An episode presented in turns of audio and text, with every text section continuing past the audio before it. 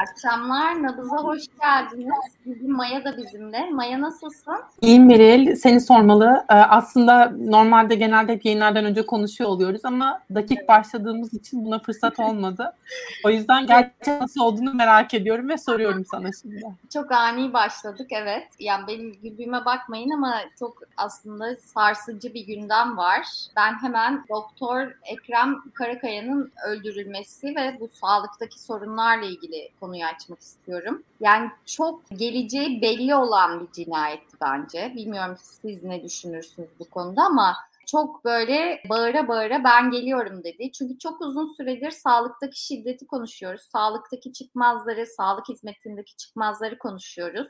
Ben aslında bugün hani daha önce yapılmış bir konuşmaya denk geldim. Profesör Doktor Cem Terzi'nin konuşmasına denk geldim. Bugün için de hala geçerli olduğu için birkaç cümle okumak istiyorum oradan. O şöyle demişti. Aslında bu sorunların temelinde ülkenin ekonomisi, bu ülkenin ekonomisindeki tercihler bu ülkedeki siyaset, bu ülkedeki siyasi tercihler, bu ülkenin sosyolojik yapısı ve bu sosyolojik yapının evrildiği yerle ilgili çok büyük temel sorunlar var ve ilişki bozulmuş durumda. Belki de tamiri mümkün olmayacak derecede bozulmuş durumda. Hasta ile hekim hasım ilişkisine dönmüş. Hasta hekime saldırıyor, öldürüyor, cinayete teşebbüs ediyor. Acil serviste herkes ölüm korkusuyla işe gidiyor. Bunun bir sosyolojik izahı var demiş. Bence çok isabetli bir yorum. Ve bugün de çok yani doktorların e, hani bu şiddeti protesto ederken polis şiddetine uğraması ve polis polis şiddetine uğradıkları süreçte polislerin hani bir polisin sağlık sorunu yaşaması üzerine polis e, sağlık görevlilerinin müdahale etmesi de bence çok ironik bir görüntüydü. Bilmiyorum yani benim için çok sarsıcıydı. Öncelikle Maya'ya sormak istiyorum. Ne dersin bu sağlıktaki şiddet ve hani cinayete varan durumla ilgili? Ya aslında bir kişi gibi konuşmak çok güç ama bir, yanı, yanıyla daha bu sorunlar aslında her gün yaşadığımız problemlerin bir başka boyutu. Bu sefer sağlık meselesinden bahsediyor oluyoruz ve son iki günde aslında söylenecek her şey neredeyse söylendi. O yüzden aynı şeyleri tekrar etmek istemiyorum. Ama ben bir şey dikkat çekmek istiyorum. Yorum, e, burada izleyici yorumlarında da var. E, AKP'nin sistematik okumuş kesim düşmanlığına değinilir umarım diye. Doğru. Gerçekten böyle bir düşmanlık var zaten. E, bunu e, sosyal medyada da işte bu doktora yapanlara yönelik söylemlerle de görüyoruz.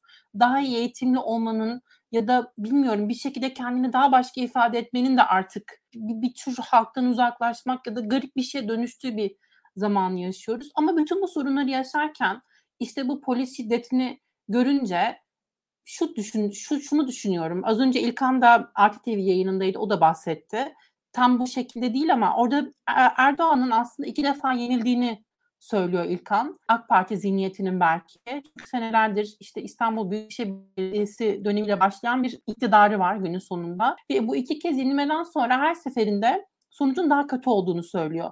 Ama benim burada vurgulamak istediğim şey bizim aslında bu polis şiddeti görüntüleriyle yani bu iş bırakan doktorların, protesto eden doktorlara yönelik şiddet görüntüleriyle neyi kaybettiğimizi hatırlamama bir kez daha yol açıyor. O da artık belki küçük, belki kendi içimizde çözeceğimiz problemlerin bile e, inanılmaz kangren olduğunu e, ve artık bunları çözme irademizin, e, protesto etme yetimizi kaybettiğimizi bana hatırlatıyor ısrarla. Çünkü biz uzun zamandır sadece seçimlerle sonuç alabileceğimizi hep konuşuyoruz. Buna bir günde gelmedik. Protestonun, sokağa çıkmanın terörize edildiği bir zaman dilimini yaşıyoruz senelerdir. Ve AKP aslında en büyük kazancını e, burada sağladı ve biz sadece seçim sonuçlarına bağlı bir siyaset gündemini takip etmeye kalkıyoruz. Bu çok büyük bir kayıp ve bu, bunu kaybettik. Çok üzülüyorum bunun için. Umarım bir gün tekrar bunu kazanabiliriz. Bunu diliyorum ve işte seçimlerden sonrasında da yani şu çok net bu sonuçlar kangren halinde çok fazla alana yayılmış, çok fazla sebebi var ve sebeplerin büyük çoğunluğu AKP kökenli. Bunu netlikle söylemek lazım. Ve AKP tekrar yenildiğinde acaba biz bu sorunları çözebilecek iradeyi kendi içimize gösterebilecek miyiz? Farklı bir Türkiye'yi kurmak için o gücü elimizde bulabilecek miyiz? Bence en çok konsantre olmamız gereken şey bu. Bunu söylemek istiyorum aslında. Cem Terzi konuşmasının devamında şey diyor yani bu düzelemeyecek bir şekilde bozulmuş bir ilişki. Bunu düzeltmek çok zor diyor. Zaten burada mesela insanlara sorulduğunda mesela sokak röportajları izliyoruz. İşte işte bunun en ağır ceza verilmeli, işte cezalandırmalı, hukuk bununla başa çıkılmalı falan. Ama asıl mesele aslında siyasi iradeden geliyor. Hani gidenler gitsinler, e, gideceklerse gitsinler, bizim umurumuzda değiller. Hani yerleri doldurulabilir gibi. Ama yani onlara şiddet gösteren polisin bile onlara ihtiyacı var. Hani bence bu açıdan bugünkü o görüntü çok ironikti. Ee, bilmiyorum İlk, İlkan sen ne demek istersin bu konuda? Şimdi Beril doktorlar konusu önemli. Doktorlar Türkiye'de şimdi mesela bakarsak sen bir avukatsın, medya çalışanısın, uluslararası medyalarda çalıştın.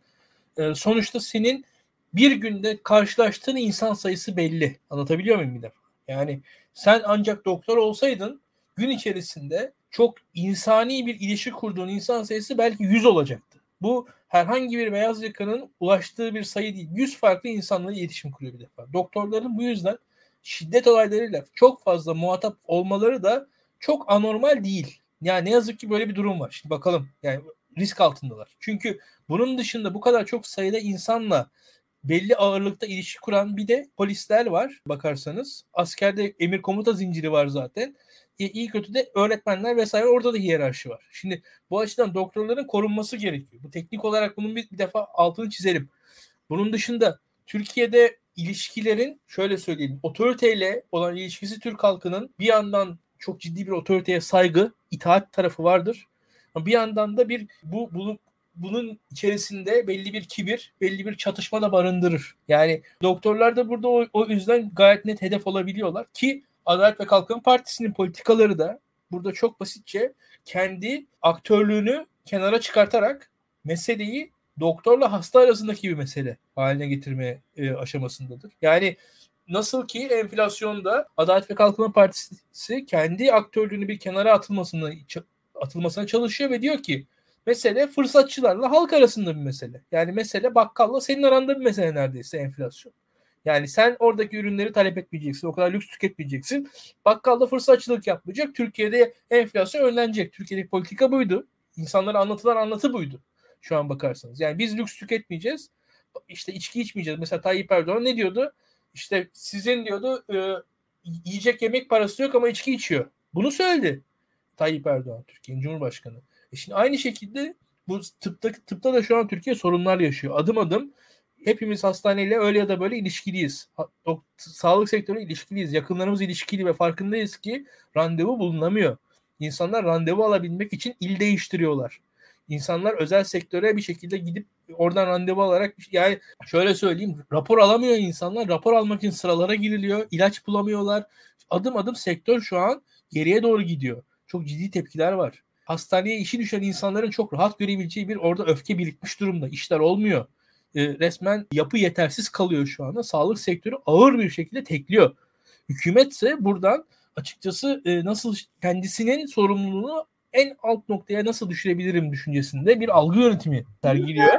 Burada şöyle bir kıyas yapmak istiyorum. Yani bu kadın cinayetlerine çok benziyor. Yani burada yeterince koruma sağlanmıyor, işte siyasi bir irade gösterilmiyor, bir politika uygulanmıyor, işte çok ciddi bir çatışma var ve bu çatışmayı dindirecek hiçbir şey yapılmıyor ve sonrasında hani bu politik değilmiş gibi davranılıyor. Yanılıyor muyum? Yani ben o açıdan çok benzetiyorum kadın cinayetleri mevzusuna. Şunu söyleyeyim ben. Kadın cinayetlerinin toplumsal bir reaksiyon olarak ortada olmasında toplumun bir evriminin sonucunun olduğunu düşünüyorum ben. Yani Türkiye'de daha önce de kadınlar öldürülüyordu ama toplumda kadınların öldürülmesinin yarattığı bir rezonans yoktu o kadar. Bence 20 yıl önce, 30 yıl önce. Şu an toplumumuzun evrimiyle o konuda duyarlılık daha yüksek seviyelere geldi. Feminist hareketin etkisiyle vesaire o çabaların sonucunda oldu. Yani bakarsanız belki de Türkiye'nin Me kadın cinayetleri bile olabilir bence. Yani bizde mesela o asıl Me konularına gelmedi olay ama ya bizde ancak cinayetle başladı iş yani hani hemen hemen. Ben öyle biraz düşünüyorum. Doktorlar konusunda ise iş %100 ideolojik noktadan alınıyor. Ve e, işin bu noktada kalmasından memnunlar. Yani şöyle söyleyeyim şu an çok net bir e, şeyle karşı karşıyayız. Bakın Türkiye'de muhalefet yapmak için sizin gücünüzün olması gerekiyor. Belli bir maddi gücünüzün olması gerekiyor. Belli bir itibarınızın olması gerekiyor. Böyle ya da böyle sağlık çalışanlarını siz mesela kovamazsınız. Şu anda hani mesela grev yapıyorlar, iş bırakıyorlar falan deniyor ya. İş bırakabilme gücüne sahip olan zaten Türkiye'de kaç sektör var? Kaç kişi var? Sağlık çalışanlarının böyle bir gücü var. Hükümet bundan da rahatsız. Yani şu anda bizim doktorların yaşadığı maaş meselesi ideolojik boyutu olmayan sadece ekonomik temelli bir maaş meselesi değil bence. Şu an daha yüksek geliri olsa doktorlar daha yüksek tepki gösterecekler belki. Yani iktidara ben çok da yakınlaşacaklarını düşünmüyorum. Hükümetin şu anda bu maaş meselesiyle bu aldıkları maaşların düşürülmesi nispeten bu, bunun hiçbir tesadüf olduğunu düşünmüyorum. Bu, bu da ideolojik ve yani ekonomik bir mesele değildir.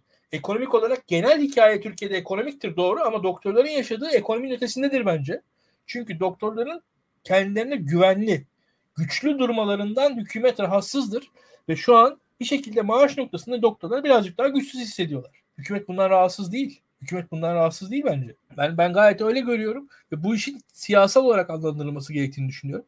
Kadın cinayetleri konusunda da şöyle kadın cinayetlerini bu kadar odak noktasına koyan güçlü bir siyasal hareket vardı. Doktorlar konusunda o kadar bilinçli bir algımız yok. Ne yazık ki kimi doktorlar zaten bu konuda algıyı iyi yönetemiyorlar. Ama doktorlar meselesi yani sağlıkta şiddet meselesi yeni köpürmüş mesele. Hani Doğru. yeni köpürmüş olmasına rağmen toplumda bir de şu var hani medyada Bence... e, üzeri çizilmiş bir mesele. Yani bugün baktığımızda işte dün hayatını kaybeden işte Karakaya işte sekreteri olan durumla ilgili işte yayın yasağı var. Hiçbir gazete bundan bahsetmiyor ve insanlar sosyal medyadan öğreniyor ve e, buna rağmen tepki gösteriyorlar. Aslında yeni ortaya çıkan bir toplumsal hareket diyebiliriz. Ya ben şunu söyleyeyim. Doktorların kendilerini daha rahat ifade edecekleri, daha güzel ifade edecekleri mecraları bence yok şu anda. Olabilirdi. Muhtemelen kurulabilirdi zaman içerisinde. Sağlık çalışanları genel anlamda kendilerini bence olabildiği kadar iyi ifade edemiyorlar. Sosyal medyada bulabileceklerinin daha gerisine destek buldular bence şu ana kadar.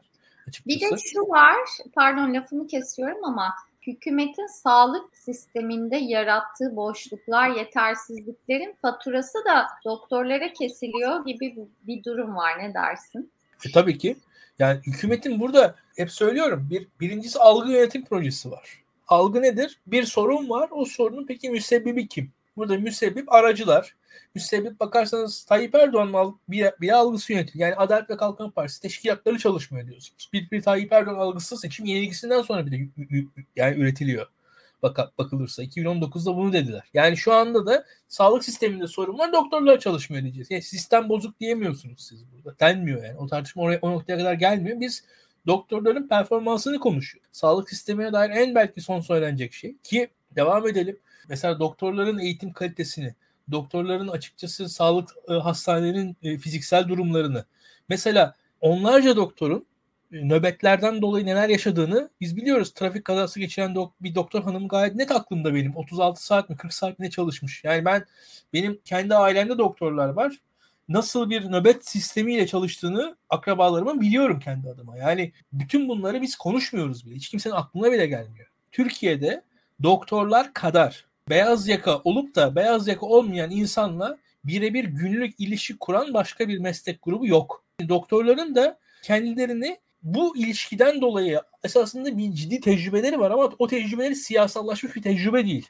Türk insanını belki en iyi tanıyan meslek gruplarından bir tanesi doktorlar. Yani bir gazeteciden daha fazla sıradan insanla tanışmış oluyor bir doktor. Ama bunu ideolojik olarak ve doktrinal olarak bir söylem olarak yansıtamıyor size. Bu da doktorların aslında ellerindeki tecrübeyi bize aktarma, aktarmalarındaki eksikliği ortaya çıkartıyor diye düşünüyorum. Burada hala eksiklerimiz var. Çok ciddi sıkıntılar yaşanıyor.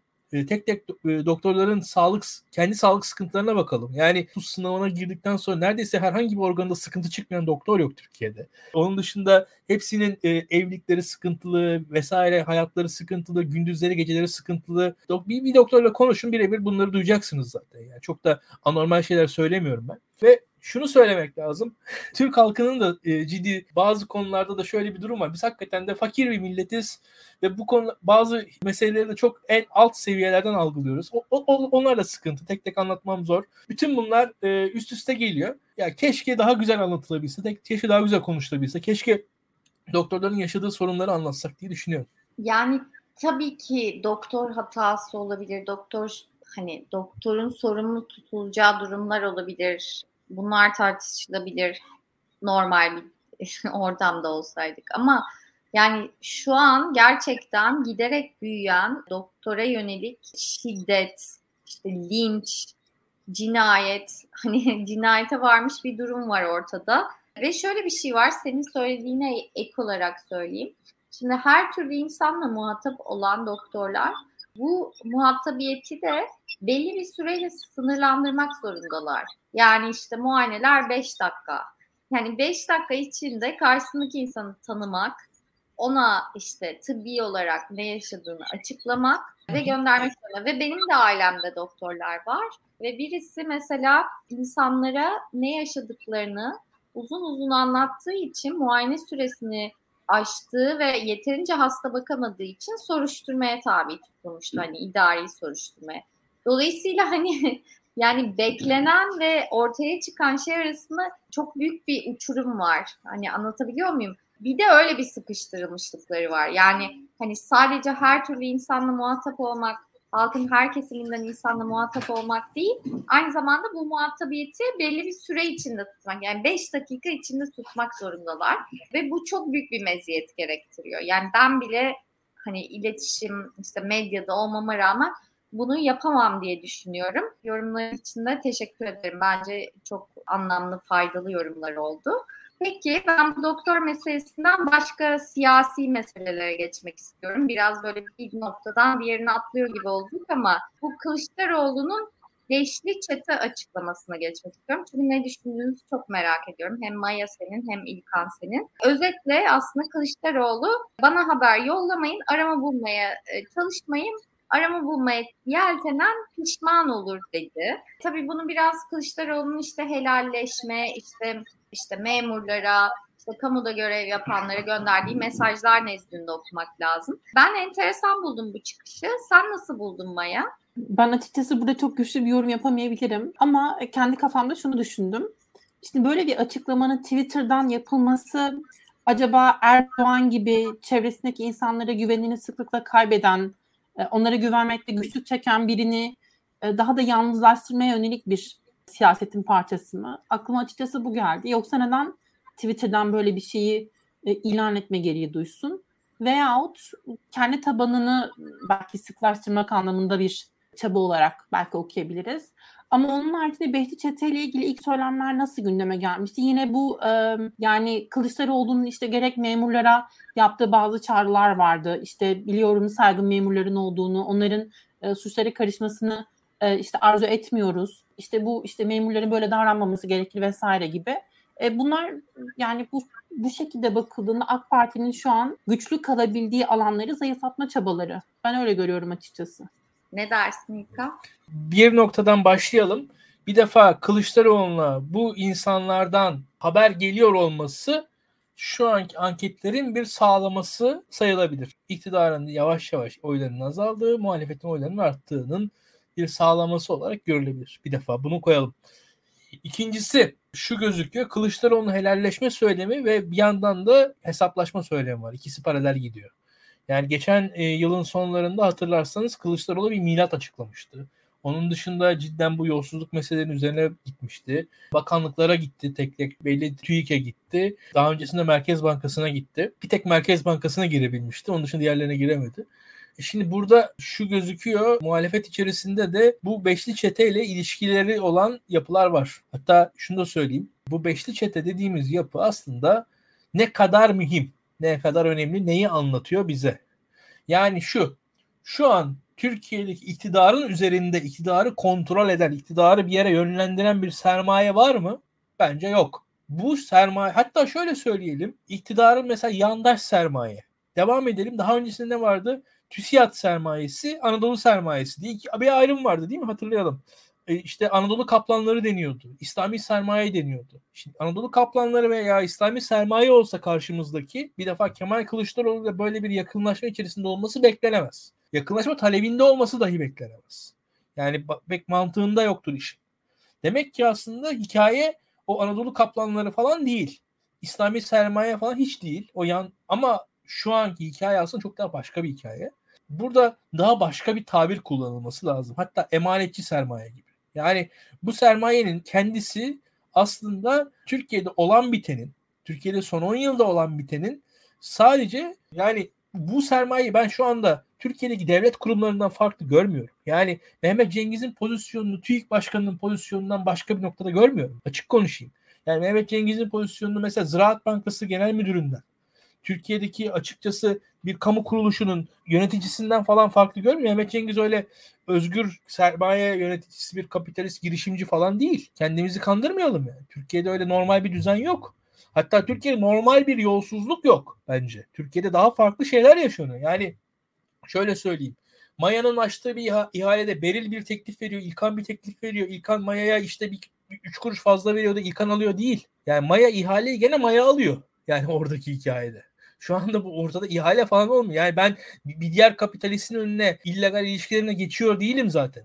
Öyle bir yarış olmuyor ki şu anda. Yani şu anda biz eski paradigma içerisinden yani diyelim ki yolsuzluk yapan sermaye ile yolsuzluk yapmayan sermaye, yolsuzluk yapanlar onların önüne geçiyorlar. Böyle bir durum yok Türkiye'de. Hala böyle bir durum varmış gibi konuşuyoruz. Dilimiz, kelimelerimiz, jargonumuz, lügatımız bunlardan ibaret olduğu için belki de. Bir yandan da tabii yasal olarak sıkıntılar var. O da doğru. Tam da kuramıyoruz cümleleri. Ama şu an Türkiye'nin yaşadığı şey bu. Hatta şöyle söyleyeyim, devam edeyim. O ara bulma hikayelerinde de niyet şu, sorumlulukların daha düşük olduğunu söyleyecekler. Yani benim dediklerimi anlatacaklar. Açık konuşayım. Orada muhtemelen o sermaye gruplarındaki yöneticiler de diyecekler ki ne kadar kendi e, kendilerinin etkisiz. Kendilerinin açıkçası bu büyük ekonomik kararlarda ne kadar kenarda kaldıklarını falan anlatacaklardır. Büyük ihtimalle öyle noktalara hatta muhtemelen biz zarardayız falan da diyeceklerdir. Ve bu doğru bile olabilir. Şaşırırız. Yani bir anda yani şu an öyle bir absürt sistem var ki Türkiye'de. Şöyle söyleyeyim Türkiye kendi kendini yiyen bitiren bir yapı e, neredeyse bu. Yarın bir gün bu beşli çetenin Adalet ve Kalkınma Partisi sonrasında bir bakarız. Elindeki varlığından daha fazla borcu falan çıkabilir. Hiç şaşırmam ben. Çünkü Türkiye Cumhuriyeti'nin kendisi borçlanma konusunda sıkıntı yaşıyor. Belli şekilde borçlanmalar bu şirketler üzerinden gidiyor. Yani sonuç çok garip olabilir. Çok garip sonuçlar gelebilir. Hani bu, bu şirketler zengin edildi diyoruz ya biz. Bir, bir para transferi var ama o transferin nereden nereye olduğunu biz bilmiyoruz şu an. Bilgimiz şu an çok düşük. Biz bakın sadece görünen yerlerden biz şu anda bir buzdağının ancak görünen yüzünün bir kısmını görüyoruz. O buzdağının görünen yüzünün arka tarafı var daha da suyun altına daha girmedim ben. Yani hani şu an Türkiye'deki yapıyı biz hiç algıladığımızı, hani İngilizce tabiri comprehend ettiğimiz, böyle hissettiğimizi, fark ettiğimiz o boyutları kavradığımızı düşünmüyorum ben. Yani çok ben de ben de bilmediğimi düşünüyorum. Ben şu an bilmediğim şeyler olduğuna inanıyorum. Ve şu anda o konuşmaların da o konuşma çabalarının da arkasında biraz bunlar olduğunu düşünüyorum ve hatta çok daha büyük sıkıntılarla karşı karşıya gelebilir Türk Türkiye bu iktidar sonrasında. Farklı farklı borç alacak ilişkileri bir anda önümüze gelebilir. Bizim bilmediğimiz şu an ticari sır, de, sır denilen. Belli olmaz. Hiç belli olmaz. Yani bu konular çok sıkıntılıdır. Bu şu demek değil yani bu şirketleri aklıyor falan değil. Yok yani öyle bir şey yok. Kılıçdaroğlu'nun tavrı da doğrudur yani o konuda. Türkiye'de e, sonuçta hukuk belirler bu işleri. Hiç de şeye gerek yok. Ha burada tabii şahsi ilişkilerle bir şeyler kurmaya çalışanlar var mı? Vardı. Türkiye'de hep olur zaten. Ki burada da bakarsanız bu işin neredeyse her tarafa geldi. Herkesin herkese ilişkisi var Türkiye'de. Yani Türkiye'de entelijansı çok geniş bir yer değil. Beklediğimiz şeyler bunlar. Çok şaşırmıyorum ben. Peki muhalefetten söz açılmışken şeyi de sormak istiyorum. Bu hafta çok konuşuldu. Hani ben bu programda da sormak istiyorum. Bu belediye başkanlarına valilikten giden yazıyı büyükelçilerle görüştüğünüzde Dışişleri Bakanlığı'ndan izin almak durumundasınız diye bir yazı gitti. Buna işte İmamoğlu tepki gösterdi. E, çünkü akıllara hemen bu işte kar yağdığında, yollar kapandığında, bir kriz yaşandığında İmamoğlu'nun işte İngiliz Büyükelçisiyle yediği yemek geldi. Ve hani ona referans olarak böyle bir talimat geldiği düşünüldü. Zaten İmamoğlu da buna tepki verdi. İşte CHP'den sanırım buna uyum, yani bu talimata uymayacağız cevabı geldi. Ben bunu da enteresan buluyorum. Çünkü biz bu programda daha önce de hep şeyi konuştuk. Hani e, muhalefet kendini dışarıya anlatamıyor. Yani kendini dışarıya ifade edemiyor. Dışarıdan gördüğümüz hep muhalefeti tanımadıkları, muhalefetin ne söylediğini işte bilmedikleri, güvenemedikleri. Dolayısıyla her zaman işte hükümeti ve Erdoğan'ı tercih ettikleriydi. Dolayısıyla acaba bu şunu da mı ima ediyor? Yani artık belki de muhalefet dışarıya açılıyor, kendini anlatıyor, neler yapacağını anlatıyor, bir vizyon ortaya koyuyor ve hükümet de bir anlamda bunu kontrol altına almak mı istiyor sorusunu akıllara getirdi. Ne dersin Maya? Bu kararın bu karar da değil aslında. Bunu hukuki olarak tanımlamak mümkün değil Beril. Ee, biz evet. bunu yani yapmaktan yapmayı unutuyoruz belki. Herkes için söylüyorum. Ee, ama e, her kararın bir hukuki dayanağının olması gerekir. İdarenin her işleminin bir e, hukuki gerekçesinin olması gerekir. Ama İçişleri Bakanlığı Süleyman Soylu'nun bakanlığı döneminde öyle bir görünüme büründü ki çok açıkça ifade etmek lazım. Türkiye'nin en hukuksuz, en hukuku tanımayan kurumu haline gelmek için bir yarış içinde Süleyman Soylu ve bunu kendi politik geleceği için yapıyor. Her fırsatta çıkan fotoğrafları e, türlü suçlularla, türlü e, çete liderleriyle e, Türkiye için, Türkiye Cumhuriyeti Devleti çok büyük bir utanç. Bunu her seferinde söylemek gerektiğini düşünüyorum. Kararın hiçbir hukuki gerekçesi yok. Nitekim Cumhuriyet Halk Partisi'nden de karara uyulmayacağı açıklaması yapıldı. Bu da bence önemli. Burada bunun kesinlikle bu şekilde de olması gerekir zaten. Çünkü bu elçilerle görüşmenin bile e, bir şekilde e, kriminalleştirildiğini görüyoruz. Çünkü bu insanlar yabancı. Bu da tabii büyük bir çerçeveye işaret ediyor. A Haber'deki algıları işaret ediyor aslında. Ne diyor A Haber? Sürekli bu yabancılar gelecek, Türkiye'yi yıkacak. Zaten Süleyman Soylu ne diyor? LGBTQ yapacak filan. Böyle büyük bir çemberin içinde bu elçilerle görüşmeyi de engellemek aslında ne kadar anlamlı, ne kadar ulvi bir görev Süleyman Soylu için. Ama bu tabii ki hiçbir gerekçesi olmayan, hiçbir hukuki altyapısı olmayan, o yüzden de yok hükmündeki bir kağıt parçası. Ee, ve Cumhuriyet Halk Partisi'nin böyle bir karar alması önemli. İmamoğlu'nun açıkça hedef gösterildiğini vurgulamakta yarar var. Çünkü muhalefette bu tür görüşmeleri yürüten belki de en önemli isim ve aslında elçilerin de en çok ilgi gösterdiği isim yine İmamoğlu. Bunu bu şekilde görmek gerektiğini düşünüyorum ama e, bir anlamı olmayacak tabii ki. Başarısız bir e, hamle olarak kalmaya devam edecek. Bir defa şöyle söyleyeyim. Yani İmamoğlu'nu hedefe alan bir e, yazı mıydı bu? Ben öyle hususi İmamoğlu'nu düşünmedim. Hatta şöyle söyleyeyim. CHP'li neredeyse tüm belediye başkanları elçilerle görüşüyorlar. Yani hatta bu kamuoyu biliyor bilmiyor bilmiyorum yani. Ben duyuyorum aslında. Ee, var. Çünkü elçilerin işi zaten Türkiye'nin durumunu anlamaya çalışmak ve o Türkiye'nin durumunu anlayıp kendi ülkelerine bunu iletmek. Elçilerin görevi zaten bir belediye başkanıyla görüşmek. Elçiler elçilerin görevi zaten Türkiye'deki önde gelen insanlarla görüşmek elçiler bu görüşmeler sonucunda bir Türkiye fotoğrafını kendi ülkelerine aktaracaklar. Elçiler kendi ülkelerine ne kadar doğru fotoğraf aktarırsa zaten Türkiye için de o kadar iyidir. Türkiye'nin fotoğrafını elçilerin yanlış aktarmasındansa doğru aktarmasını ben tercih ederim. Burada illegal bir durum yok zaten. Elçinin görevi Türkiye'de mesela açıkçası Beril Eski Türkiye'nin önde gelen bir gazetecisi. İşte yani açıkçası Maya Saygın Türkiye önde gelen gazete. Bir elçi gelecek bunlarla görüşecek. Yani zaten bu, bu böyledir. Bu, yani bunun utanılacak bir tarafı yok.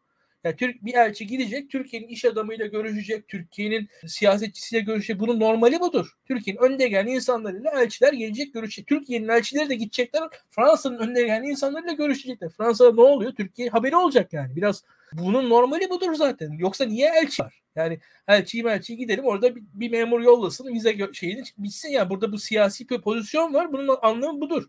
Bir defa bunu koyalım saçma sapan bir noktadayız biz. Türkiye'de herkes delirdi. Her türlü yurt dışı ilişkiye böyle bir illegalite sokulmaya çalışıldı. Açıkçası yani dünya dün kurulmadı. Bugün de yıkılmayacak. Merak etmesin arkadaşlar. Bir defa bunu koyalım.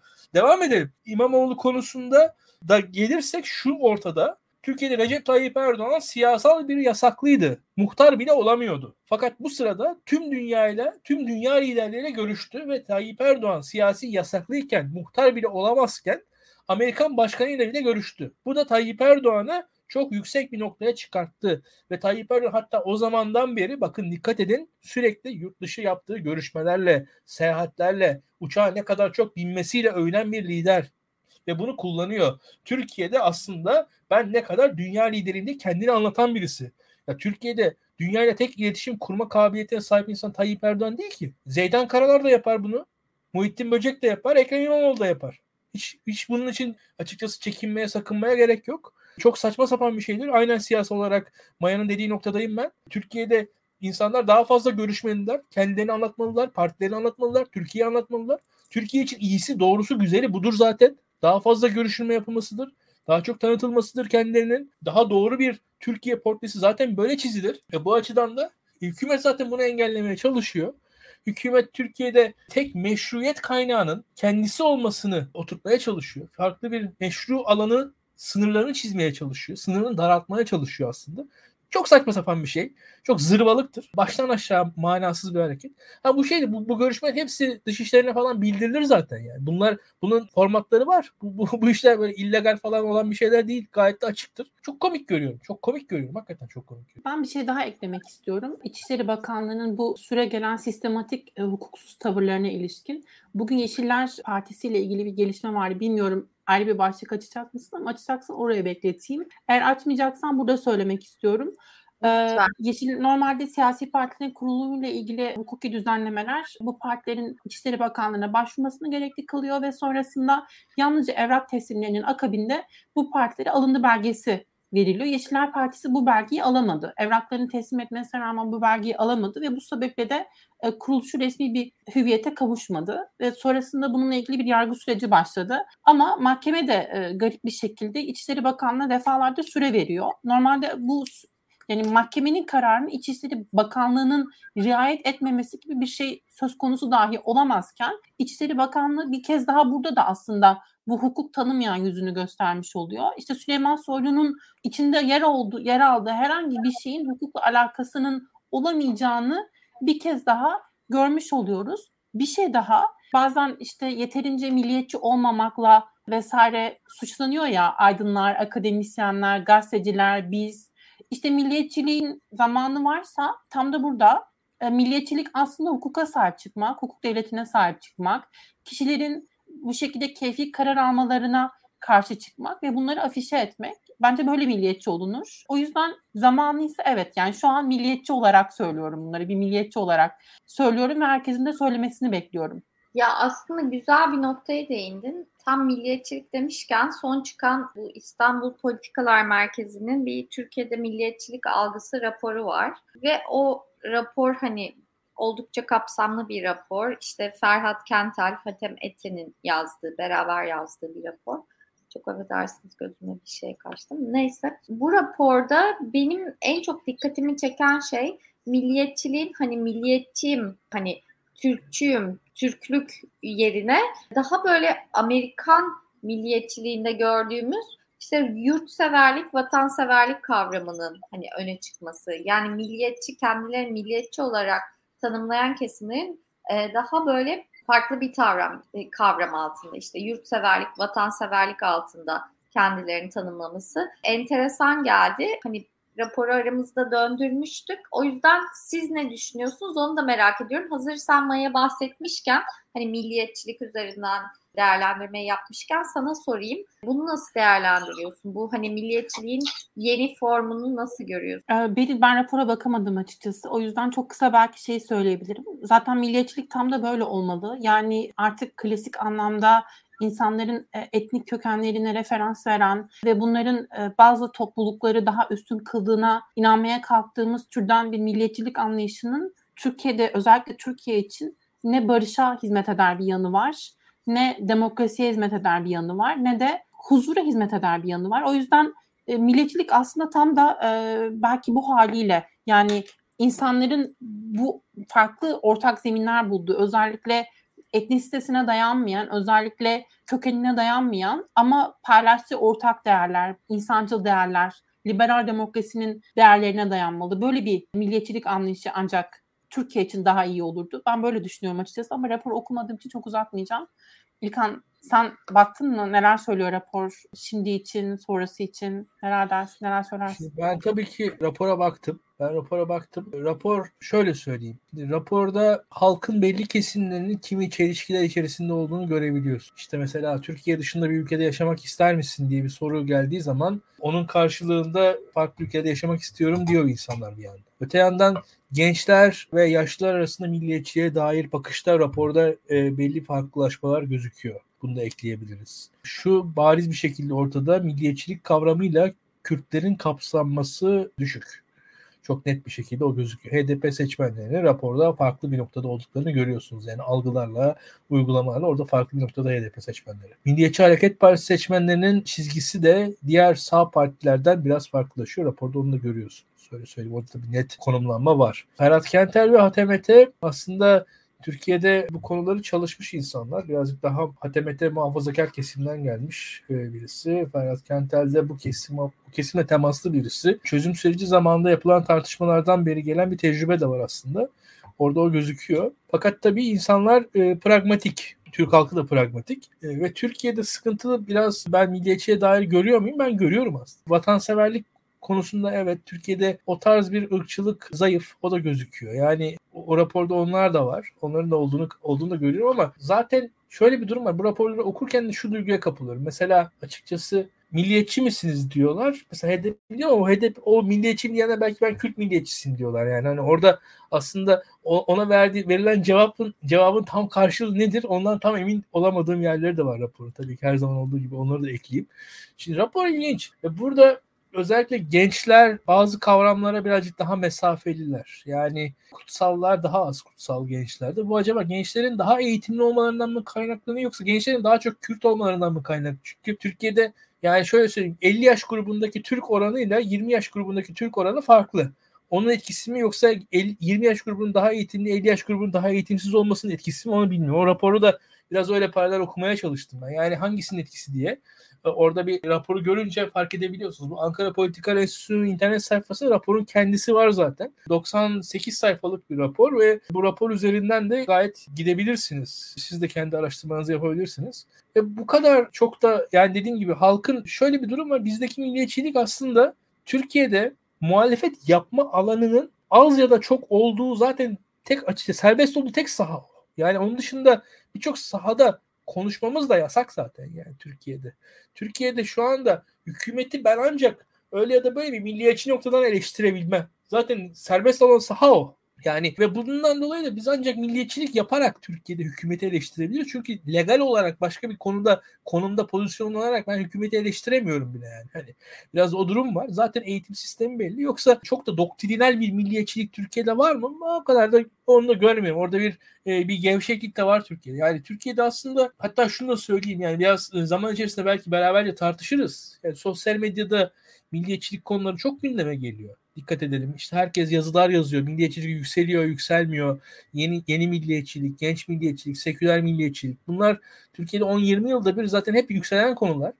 Ee, ama arkası ne kadar dolu ben emin değilim. Yani tabii ki e, Türkiye'de bir milliyetçi güçlü bir yapı var ortada ama geçmişinde Türkiye'nin geçmişteki milliyetçi güçlü yapılarından daha mı güçlü bunlar? Hiç zannetmiyorum. Hiç zannetmiyorum açıkçası gayet orada yani biraz aşırı yorum hatta aşırı analiz görüyorum. Ve şu anda da çok fazla bizim konuşuyor olmamız da zaten diğer alanları konuşmak yasak zaten Türkiye'de. Yani hani mesela hani daha Kürt tarafından konuştuğunuz zaman yasak, daha böyle sosyalist taraftan konuştuğunuz zaman yasak, İslamiyet'i biraz eleştirmeye yaptığınız zaman yasak, biraz Atatürkçülükle mesafeniz olduğu zaman yasak. Yani Türkiye'de hani eleştirilebilecek daha sağlam e, en azından güvenli nokta sadece milliyetçilik. O yüzden o noktada çok konuşuyor şu anda. Konuşabiliyor yani en azından. Onu da tabii iktidar da kullanıyor, muhalefet de kullanıyor. Karşılıklı olarak kullanılıyor. İktidar ve muhalefetin çatışma sahası. Yani siyasetin serbest olduğu saha. Topun oynanabildiği alan orası Türkiye'de. Yani top top diğer alanlarda oynanamıyor zaten. Top diğer alanlarda oynanamıyor. O yüzden biz herkes milliyetçi zannediyoruz. Çok da fazla hani e, evet bir milliyetçi güçlü bir grup var. Kabul ediyorum. Etkinler, etkililer. Ama Türkiye'de bundan ibaret mi? Bence değil. Onu da söyleyeyim yani. Ama bu şu demek ki tabii ki hem göz ardı edilmemeli hem de abartılmamalı yani. iki noktada biraz arada duruyorum. İlkan gençleri sordun ya. Güney Kore izliyorlar, Avrupa izliyorlar, Amerika izliyorlar. O ülkelerden müzikler dinliyorlar. Evet. Ne kadar milliyetçi olabiliriz ki bu durumda? Ya olabiliriz. Bunda çok e, sıkıntı yok zaten. Tüm Ama bence oran düşüyorsa yani gençlerde daha evet. azsa bence bununla tümleşik olduğunu ha. düşünüyorum ben. Ya şöyle bir durum var. Mesela aynı ankette şu da vardı. Elinizde fırsat olsa Türkiye dışında bir ülkede yaşamak ister miydiniz? Mesela gençlere doğru geldikçe sayı artıyor. Yaşlılar mesela Türkiye dışında bir ülkede yaşamak istemezdim diyorlar. Aynı anket üzerinden konuşayım ben sana. Mesela oradan aklımda kalan bir örnek vereyim.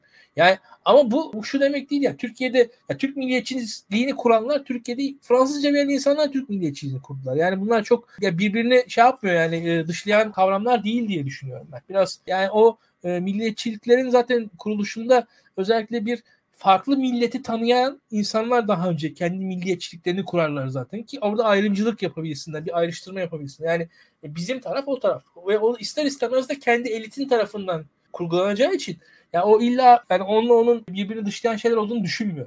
Ya tamam da şimdi Fransızca bilenler için örnek biraz geçersiz geldi bana. Çünkü Fransızca bilenler evet. dediğimiz ya da Fransızca öğrendikleri dönemde ya da Fransa'ya eğitim için gittikleri dönemde bu insanlar Hı-hı. büyük çoğunlukla oradaki milliyetçilik akımlarından evet. aslında beslendiler. Ama şimdi şimdi hepimiz kardeşiz akımı var. Daha farklı bir yerde aslında. Tabii bu çok tartışılır ve çok fazla dinamiği vardır ama ben bunun belki biraz etkileyebildiğini ya da etkilediğini düşünüyorum açıkçası kendi Ya şöyle söyleyeyim şimdi e, bakalım Türkiye mesela popüler yani mesele popüler kültürse popüler kültür üretiminde dünyada altta kalan bir ülke değil. Yani dünyada mesela sineması olan 15 tane ülke yok. Türkiye kendi sineması olan, kendi dizi sektörü olan 20 tane ülke yok dünyada. Ama dünyada yüzlerce ülkenin kendince milliyetçilikleri var ve hani belli ülkelerin boyutları gereği zaten mesela düşünelim Ermenistan sineması ne kadar olabilir ki? Yani ülkenin nüfusu zaten bir sektörü ayakta tutmaya yetmez yani o kadar. Veya hatta mesela İsviçre. İsviçre sineması çünkü zaten ülke küçük Almanya, Fransa sinemaları. Şimdi e, olamaz mı İsviçre'li birisi? Bu, yani bu orada şeylik var yani. Ha şunu söyleyeyim Türkiye'de de milliyetçilik üzerinden konuşacaksak daha ziyade eğitim sistemi gibi noktalardan gidebiliriz mesela. Hani Türkiye'nin referans noktaları, Türkiye'nin iyisi doğrusu güzeli. Yani Türkiye'de iyi doğru güzel milliyetçilik üzerinden tanımlanıyor zaten. Hatta Türkiye'nin mesela şunlar falan konuşulur mesela seküler kültürle dini kültür arasındaki ayrışma mesela milliyetçilik üzerinden ne kadar var? Türkiye'de mesela sekülerizm, Türkiye'de hatta ateistler ne kadar milliyetçiler. Ya bunlar konuşulabilecek şeylerdir. Ee, bu, burada yabancı kültürle olan ilişki evet önemli ama Almanya'ya gitmeniz sizi kiminizi daha milliyetçi yapar kiminizi belki bir Alman hayranı yapar. Bu belli olmaz yani ve Türkiye'de baktığınız zaman da çoğunlukta daha milliyetçi dönen insanlar olabiliyor. Yani bu da çok şaşırtıcı da değil aslında yani ve bugün bakarsak biz farklı temaslar evet olumsuz değildir bence ama kendi başına milliyetçilikle bir e, dikotomi oluşturur ben oluşturacağını düşünmüyorum. Yani bu, bununla olabilir ki yani Türkiye'de bakın 90'lar Türkiye'sinde popüler milliyetçi söylem Avrupa Avrupa duy sesini duy sesimizi bu gelen Türklerin ayak sesleri diye maçlarda başladı. Maçlarda ondan sonra yani şu an mesela o kadar bir mesela o noktada ben de bakıyorum hakikaten de 90'lardaki kadar Avrupa maçlarında mesela Türk takımları bir araya gelmiyoruz. O duygu yok Türk milletinde. O milli maç şeyi azalmış durumda. Bu neden? Bu takımlarımız daha başarısız diye mi yoksa Türk kültürü değişiyor diye mi emin değilim. Yani şu anda mesela 90'lı yıllarda bir Avrupa maçlarında Galatasaray'ı desteklemiyorum diyen birisi çok daha yüksek tepki görüyordu. Şu an çok daha az tepki görür. Bu Türkiye toplumunun dönüşüm mü? Futbol izleyenlerin dönüşüm mü? Yoksa tartışma alanının genişlemesi mi Türkiye'de? Tartışılır. Yani enteresan konular bunlar. Hakikaten düşünmek lazım. Yani sen sordukça aklıma geliyor bazı şeyler, bazı örnekler. Acaba mukayese nereye koyabilirim diye. Belli noktada evet Türkiye değişiyor, dönüşüyor. Mesela işte futbol örneğinde dedim. Yani 1990'larda siz ben Avrupa'da Galatasaray ya da Fenerbahçe'yi desteklemiyorum dediğiniz zaman tepki çekiyordu. Bugün o kadar tepki çekmez. Yani veyahut da işte atıyorum futbolda mesela yabancı sınırı kalksın 90'larda dediğiniz zaman tepki çekerdi. Bugün o kadar tepki çekmez. Ha, bu noktada mesela yaklaşım farklılaştı ama bu milliyetçilik bir kenara atıldığı anlamına gelmez. Milliyetçiliğin e, yapıldığı sahalar değişiyor olabilir. Yani o zaman mesela futbol sahasında bu yapılıyordu. Bugün başka sahalarda yapılıyor belki de. Veyahut da atıyorum mesela teknik direktörler yerli olsun deniyor. Yani şu anda hani çok basit nokta örnekler veriyorum ama şöyle bakalım. Milliyetçiliğin saha, yer, zemin, üslup değiştirdiğini görüyoruz biz. Burada paradigma olarak milliyetçilik hala kuvvetli. Türkiye içerisinde bir, bir yerde duruyor. E, yatsıyamıyorsunuz. E, her şeyi temsil ediyor, her şeyi açıklıyor mu açıklamıyor Türkiye. Türkiye çok karmaşık bir yer ama Türkiye'de milliyetçilik kuvvetli. Yani bunda yadırgayamam açıkçası.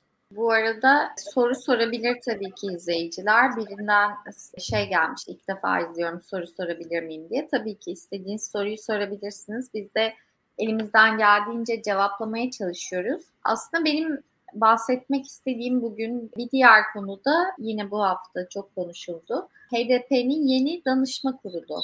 Orada enteresan isimler var. Benim en çok dikkatimi çeken Ali Bayramoğlu ve e, Mehmet Altan oldu. E, onların danışma kurulunda yer alması oldu. Ne düşünüyorsunuz merak ediyorum. Çünkü ben bununla ilgili aslında düşündüm, şaşırdım ama bir analiz yapamadım. Sizin fikrinizi çok merak ediyorum. Önce Maya Maya hocam sana sorayım. Beril hocam şimdi şöyle Ya şöyle bir konu var. Bu HDP kongresi gerçekleşmeden ya önce ya sonra yani tam zamanını hatırlamıyorum. Muhtemelen Demirtaş bu yazıyı daha önce yolladı T24'e. Onun gelmesi vesaireyi düşünürsek. E, Demirtaş'ın yazısına bakmak lazım. Bence şifreler belki orada olabilir. Çünkü Demirtaş yazısında eleştiri, öz eleştiri çağrısı yapıyordu. İğneyi kendimize batırmamız lazım diyordu yazıda ve HDP'nin işte bu eleştirileri yaparken aslında kendini belki tekrar kanıtlaması gerektiğini ve altılı masayı eleştirmek istiyorsa, kendinin neden bu masada olmadığını anlamak istiyorsa, yani önce bir eleştiri, kendini eleştirmenin gerekliliğinden bahsediyordu ve bu yazı aslında çok önemli bir yazıydı bana sorarsan. Ve HDP kongresinde bu isimlerin, bu danışma kurulu uzun zamandır altılı olduğu söyleniyor. Bir araya gelmediği bu isimlerin söyleniyor ve HDP uzun zamandır zaten e, iktidar tarafından baskı altında. Belediyelere kayyum atandı ve HDP'li siyasetçilerin çok zorlukla karşılaştıklarını biliyoruz. E bütün bu atmosfer içinde bu danışma kurulunun tekrar hayata geçirilebilmesi ve HDP'nin işte bir yandan da kapatma davası devam ederken Anayasa Mahkemesi'nde HDP'nin tekrar tüm topluma, tüm Türkiye toplumuna olumlu bir mesaj vermeye çalıştığını, çalışmaya kalkacağını, böyle bir siyasete yönelilmeye çalışıldığını hissediyorum. Bence kongreden verilmeye çalışılan mesaj bir danışma kuruluna bu isimlerin alınma alınmasının sebebi buydu. Çünkü bu isimler Mithat Sancar tarafından bizzat davet edilmiş telefonla. Benim okuduğum e, bilgiler o yöndeydi. Bunları bu şekilde değerlendirmeye kalkardım ben. Bir yanıyla da yeni çözüm süreci hükümetten böyle bir adım mı gelecek tartışmaları vardı. Belki bu da bir mesaj. Hükümete kapıların kapatıldığı, böyle bir adım e, atılmayacağı. Çünkü biliyoruz ki HDP içinde de bir ım, ikili bir ayrışma var. Demirtaş tarafı var. Abdullah Öcalan tarafı var. Belki onunla bütünleşik Kandil var. Belki üçlü bir yapı demek lazım bilmiyorum. Farklı çıkarları olan farklı gruplar var. HDP burada Demirtaş'a daha yakın durmaya çalıştığını belki göstermeye çalışıyor. Çünkü bunlar Demirtaş'ın bizzat savuna geldiği fikirler. Bu danışma kurulunun böyle bir işlevi olabileceğini düşünüyorum ama acaba çok da fark yaratacak mı ya da istenilen mesajı sağlayacak mı? Şüpheliyim. Göreceğiz. Ben İlkan'a sormadan önce şey söylemek istiyorum. Demirtaş'ın hani az çok vizyonunu anlamaya çalışan biri olarak bu isimlerin Demirtaş'ın vizyonunu tam anlamıyla bu iki ismin özellikle tam anlamıyla yansıttığını düşünmüyorum diyeyim. İlkan'a topu atayım. Açıkçası bu konuları bence Beril çok daha bir uzman olarak biliyor aslında. Zerafetinden bize soruyor. Fakat şöyle açıklamak lazım diye düşünüyorum. Birincisi e, Demirtaş'la HDP Genel Merkezi arasında bir ayrışma var. Bu çok derin bir ayrışma mı? Bence değil. Ama bir üslup ayrışması var. Bu üslup ayrışması bu danışma kurulu listesine yansıdı mı? Evet yansıdı diye düşünüyorum. Ancak bu danışma kurulu bir siyaset yapma tarzı. İsimleri bir kenara, isimleri silelim. Bu danışma kurulu bir defa şunu ortaya koyuyor. Biz mesela aydınların değerini tekrar yükselteceğiz demek istiyor. Şu an Türkiye'de aydınların bir değeri yok. Gazetecilerin bir değeri yok. Üniversite hocalarının bir değeri yok. Şimdi bunların değerinin olduğu bir ülkede HDP kendini daha korunaklı hisseder bakarsanız. Türkiye'de davalarla, kayyumlarla, her türlü yargı ve idari baskılarla bu yapı çürütüldü, yok edildi. Türkiye'de aydınlar işsiz bırakıldı, sürüldü ülkeden. Üniversiteler e, aynı şekilde, medya aynı şekilde bir şekilde satın almalarla vesaire yok edildi. Türkiye'de bakarsanız muhalif medya vesaire bir etki alanı vardı. Türkiye'de üniversitelerin bir gücü vardı. Sizin sözünüz sonuçta gücünüzle paralelde. Türkiye'nin aydınlarının arkasındaki gücü Türkiye'deki hükümet, Türkiye'deki devlet adım adım eritti. Zaten arkada ne bir kurum kaldı, ne bir medya kaldı, ne bir üniversite kaldı, ne bir sermaye kaldı. Hiçbir ilişki kurulamaz hale geldi. Zaten bu bu aydınlar kendi sözlerini halkada duyuramaz hale geldiler. Bugün hatta sosyal medyada dalga konusu oluyorlar. Öyle ya da böyle. Şimdi HDP'nin kendisini kuvvetli halde hissetmesi için birincisi bir aydın entelijansiya zümresinin ortada olmasına ihtiyacı var. Bir şekilde kendi sözlerini o aydınlar tarafından tartıştırmasına, onların o tartışma ortamının oluşmasına HDP'nin ihtiyacı var. Çünkü Türkiye'nin mevcut paradigmasının dışında bir şey söylemeye çalışacak bir parti. Öyle ya da böyle. Ha bu, bunu seversiniz sevmezsiniz ayrı ama HDP'nin siyaseti açısından bu insanları ortaya sokmanızın yeri var. Şimdi daha önce ne zaman biz bu, bu tarz insanları duymuştuk hatırlıyorum. Çözüm sürecinde duymuştuk. Akil adamlar vesaire değil mi? Çünkü orada da temel olarak Türkiye'nin standart paradigmasının dışına çıkılıyordu. O paradigmanın dışına çıkılırken siz o paradigmanın dışına standart siyasal kimliklerle kolay kolay çıkamıyorsunuz. Çünkü Tayyip Erdoğan'ın mesela çözüm süreci zamanında pek de bir lafı yok. Yani şöyle yapacağız böyle yapacağız. Yani şu anda bile hatırlıyorum Tayyip Erdoğan çok da falsolu lafı yok. Özellikle işte Yalçın Akdoğan'ın falsolu lafları var. AKP'ye çok falsolu laf söyleyen genelde alt düzey adamlar o, o falsolu laf söyleyenleri de AKP'de elediler zaten. Dikkat edin o zamanlarda. O Dolmabahçe Mutabakı'nın imza atanları görevden alındı falan. Çünkü siyaset riski daha az el, almak ister eline. Yani bir şekilde mangaldaki kömürü maşayla tutmak ister. Orada aydınların da görevi o birazcık da. E, o zaman öyle kullanıldılar. Ve sonrasında zaten hepsi tasfiye edildi. Kurum olarak, yapı olarak tasfiye edildi. Türkiye'de şu an bir aydın yok. Yani Türkiye'de bundan 20-30 yıl önce beğenin beğenmeyin bir köşe yazarının bir siyasetçi üzerinde dahli vardı, etkisi vardı. Biz mesela Beril hatırla 90'larda Anlıç diye bir şey vardı. Anlıç. Türkiye'nin önemli köşe yazarları görevden alınıyorlardı. Bu haber oluyordu.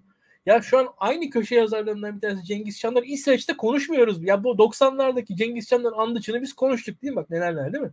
Şu an Cengiz Çanlar nerede nasıl hiç kimse umurunda değil. Çünkü şu an çok daha büyük tasfiye yok. Çünkü 90'da aslında köşe yazarı denen kurum, aydın denen kurum kurum olarak güçlüydü. Şu an kurum olarak güçsüz bir defa. Onu koymak lazım. Ha burada tabii bunun isimler kimlerdir? HDP bağlamında sorarsanız. Evet yani o isimlerde HDP kurumsal kimliğinin bir yansıması var. O net gözüküyor orada. Demirtaş'ı yansıtmıyor o liste. HDP kurumsal kimliği bence daha, daha çok yansıtıyor. Ne Öcalan'ı ne Kandil'i falan. Hani Öcalan'ı Kandil'i ben ayrı ayrı ele alıyorum. Onları da yansıttığını çok düşünmüyorum o listenin ama daha ziyade HDP, HDP'de de o eklektik yapı her zaman HDP içerisinde vardır. Türkiye solu da Türkiye'deki entelijansiya da HDP her zaman bir selam verir. E, o, o selamı da ben orada görüyorum açıkçası. Nispeten e, eskiden gelen şeyler ve e, güncelde bir iki popüler figürle beraber çok HDP'ye yakışan da bir liste. Yani beğenir, yani ister beğenin ister beğenmeyin. Biraz öyle görüyorum durumu. Ben ama bir yandan da hani böyle bu isimlerin ben Devin, Demirtaş'ın vizyonunu yansıtmadığını ya da HDP vizyonunu, Demirtaş'ın hayalindeki HDP vizyonunu yansıtmadığını düşünsem de bir yandan da bu isimlerin cesur da olduğunu düşünüyorum. Çünkü bu tasfiye edilen kadronun bir parçası olmalarına rağmen yani e, gazetenin... olmanın tehlikeli olmasına rağmen böyle bir cesaret göstermeleri de ayrı bir konu yani onu da söylemem ya lazım. Sonuçta şu var hatırlarsan bir gazetenin genel yayın yönetmenliğini yaptığı için şu an e, yurt dışında yaşamak zorunda kalan insanlar var. Yani e, o, o sembolik tavırdan dolayı. Ki aynı sembolik tavır aslında 90'larda da alınmıştı ve o zamanlar böyle bir baskıyla karşılaşılmamıştı. Türkiye'de şu an baskı o açılardan 90'lardan yüksektir. Kesinlikle katılıyorum. Ayrıca ben de yani HDP'yi üçlü bir yapı olarak görüyorum. Yani ilişikli olarak değil ama sonuçta bir etki olarak hani üç farklı etki altında olduğunu düşünüyorum. Hani Demirtaş, işte Öcalan ve KCK yani Kandil KCK değil Kandil anlamında üçlü şey olarak görüyorum. Bilmiyorum bana enteresan bir hareket gibi geldi ama HDP ile ilgili bir dinamizmin de öncüsü olduğunu düşünüyorum. Yani burada HDP'de işte Demirtaş'ın yazıları, bu hamleler e, burada bir dinamizm işaret ediyor. Ama bu programlarda çok konuştuk ve kapatma davası devam ediyor. Seçime yaklaştıkça ortalık daha da kızışacak gibi geliyor. Bilmiyorum nelerle karşılaşacağız. Peki benim sorularım bu kadar. Sizin eklemek istediğiniz bir şey var mı? Maya hocam, İlkan hocam. İyi bayramlar diyelim. Beril Hocam, İlkan Hocam çok teşekkürler. Belki Boris Johnson'ın istifasını bilmiyorum kısa değerlendirebilir miyiz ama çok da söyleyecek bir şey var mı? Ee, şey dikkatimi çekiyor. Şimdi hem e, Boris Johnson'ın kabinesinde e, muhafazakar partide siyaset yapan önüne gelen isimlerin bu kadar fazla sayıda göçmen kökeninden oluşması beni çok hmm. şaşırtıyor ve çok olumlu olduğunu düşünüyorum. Yani muhafazakar şöyle ifade edeyim. E, gerektiğinde çok tartışmalı ve eşitlikçi bulamayacağımız yönden kararlara imza atabilen göçmen kökenli isimlerin bulunması bence çok güzel bir şey. Çünkü göçmen kökenliler sadece entegrasyon konuşmaz, sadece insan hakları konuşmaz. Göçmen kökenliler ki bu isimlerin hepsi İngiltere'de sosyalizasyonunu geçirmiş isimler, orada doğmuş, orada büyümüş isimler. Bence bu çok olumlu. Bunu görmek beni şaşırtıyor. Üstelik şimdi yeni gelecek isimlerden birinin yine göçmen kökenli bir isim olması da çok muhtemel. Rishi Sunak on... yok ben Rishi Sunak ismini çok duydum. Maliye Bakanıydı. O istifa edenler arasında iki kişiden biri. Bir de Liz Truss'ın ismi geçiyor. O da Dışişleri Bakanı. O şey e, o beyaz British diyebileceğimiz e, kitleden. Bakalım acaba hangisi görevi devralacak ya da başka bir isim mi devralacak? Bakalım takip edeceğiz onları ben, ama ben birazcık daha işi Türkiye bağlamına getireyim. Nedim Zahavi de Kürt kökenli. O da Eğitim Bakanı'ydı istifa etti. Aslında Türkiye açısından da enteresan olabilir. İngiltere'nin başında bir Kürdü görmek e, bizi de şaşırtabilir bakalım. Irak, Irak Kürdü değil mi? İlk evet Irak Kürdü. Irak Kürdü. Bağdatlı Doğru. bir Kürt ailenin. Yalnız şöyle bir şey var. İngiltere'de hani böyle göçmenlerin sağcı olması, göçmenlerin ırkçı olması falan çok alışılmadık bir durum değil. Hani bize dışarıdan biraz şey geliyor ama orada onlara mesela kokonat derler. Hani dışı siyah içi beyaz hani anlamında. Böyle bayağı aslında şey bir durum. Hani hayatta rastlanılan, ismi olan ve anlaşılan bir durum. Çünkü çok fazla göçmen var aslında ve bir kısmı da öyle o şekilde İngiltere'nin bir de e, çok eskilere dayanan bir imparatorluk geçmişi var. Bu da e, işte o küçük ada ülkesinin aslında ne kadar çeşitlenebildiğinin hatırlatan başka bir done elimizdeki. Do- Evet. Doğru söylüyorsun aslında ama ben mesela Almanya ile kıyasladığımda özellikle böyle bir algı var yani. E, Çünkü Almanya'da Almanya'nın sömürge tarihi çok başka ve çok daha sınırlı e, bir aralıkta geçtiği için Almanya'da çok daha Alman Alman insanların yaşadığı e, ve siyaset yaptığı bir ortam var. Tabii orada bu şekilde olmuyor. Bakalım nasıl olacak? Merakla bekliyoruz. Tamam. O zaman şeyi de duyurmuş olalım. Haftaya bayram olduğu için program yapmayacağız. Ondan sonra program yapacağız. Belki Maya yine gelirsin programımıza. Memnuniyetle. Bekleriz seni yine. Peki o zaman kapatıyorum. Herkese çok teşekkürler. İyi akşamlar. Bizi izlediğiniz için çok sağ olun. Görüşmek İyi üzere. akşamlar, iyi bayramlar. Thank you.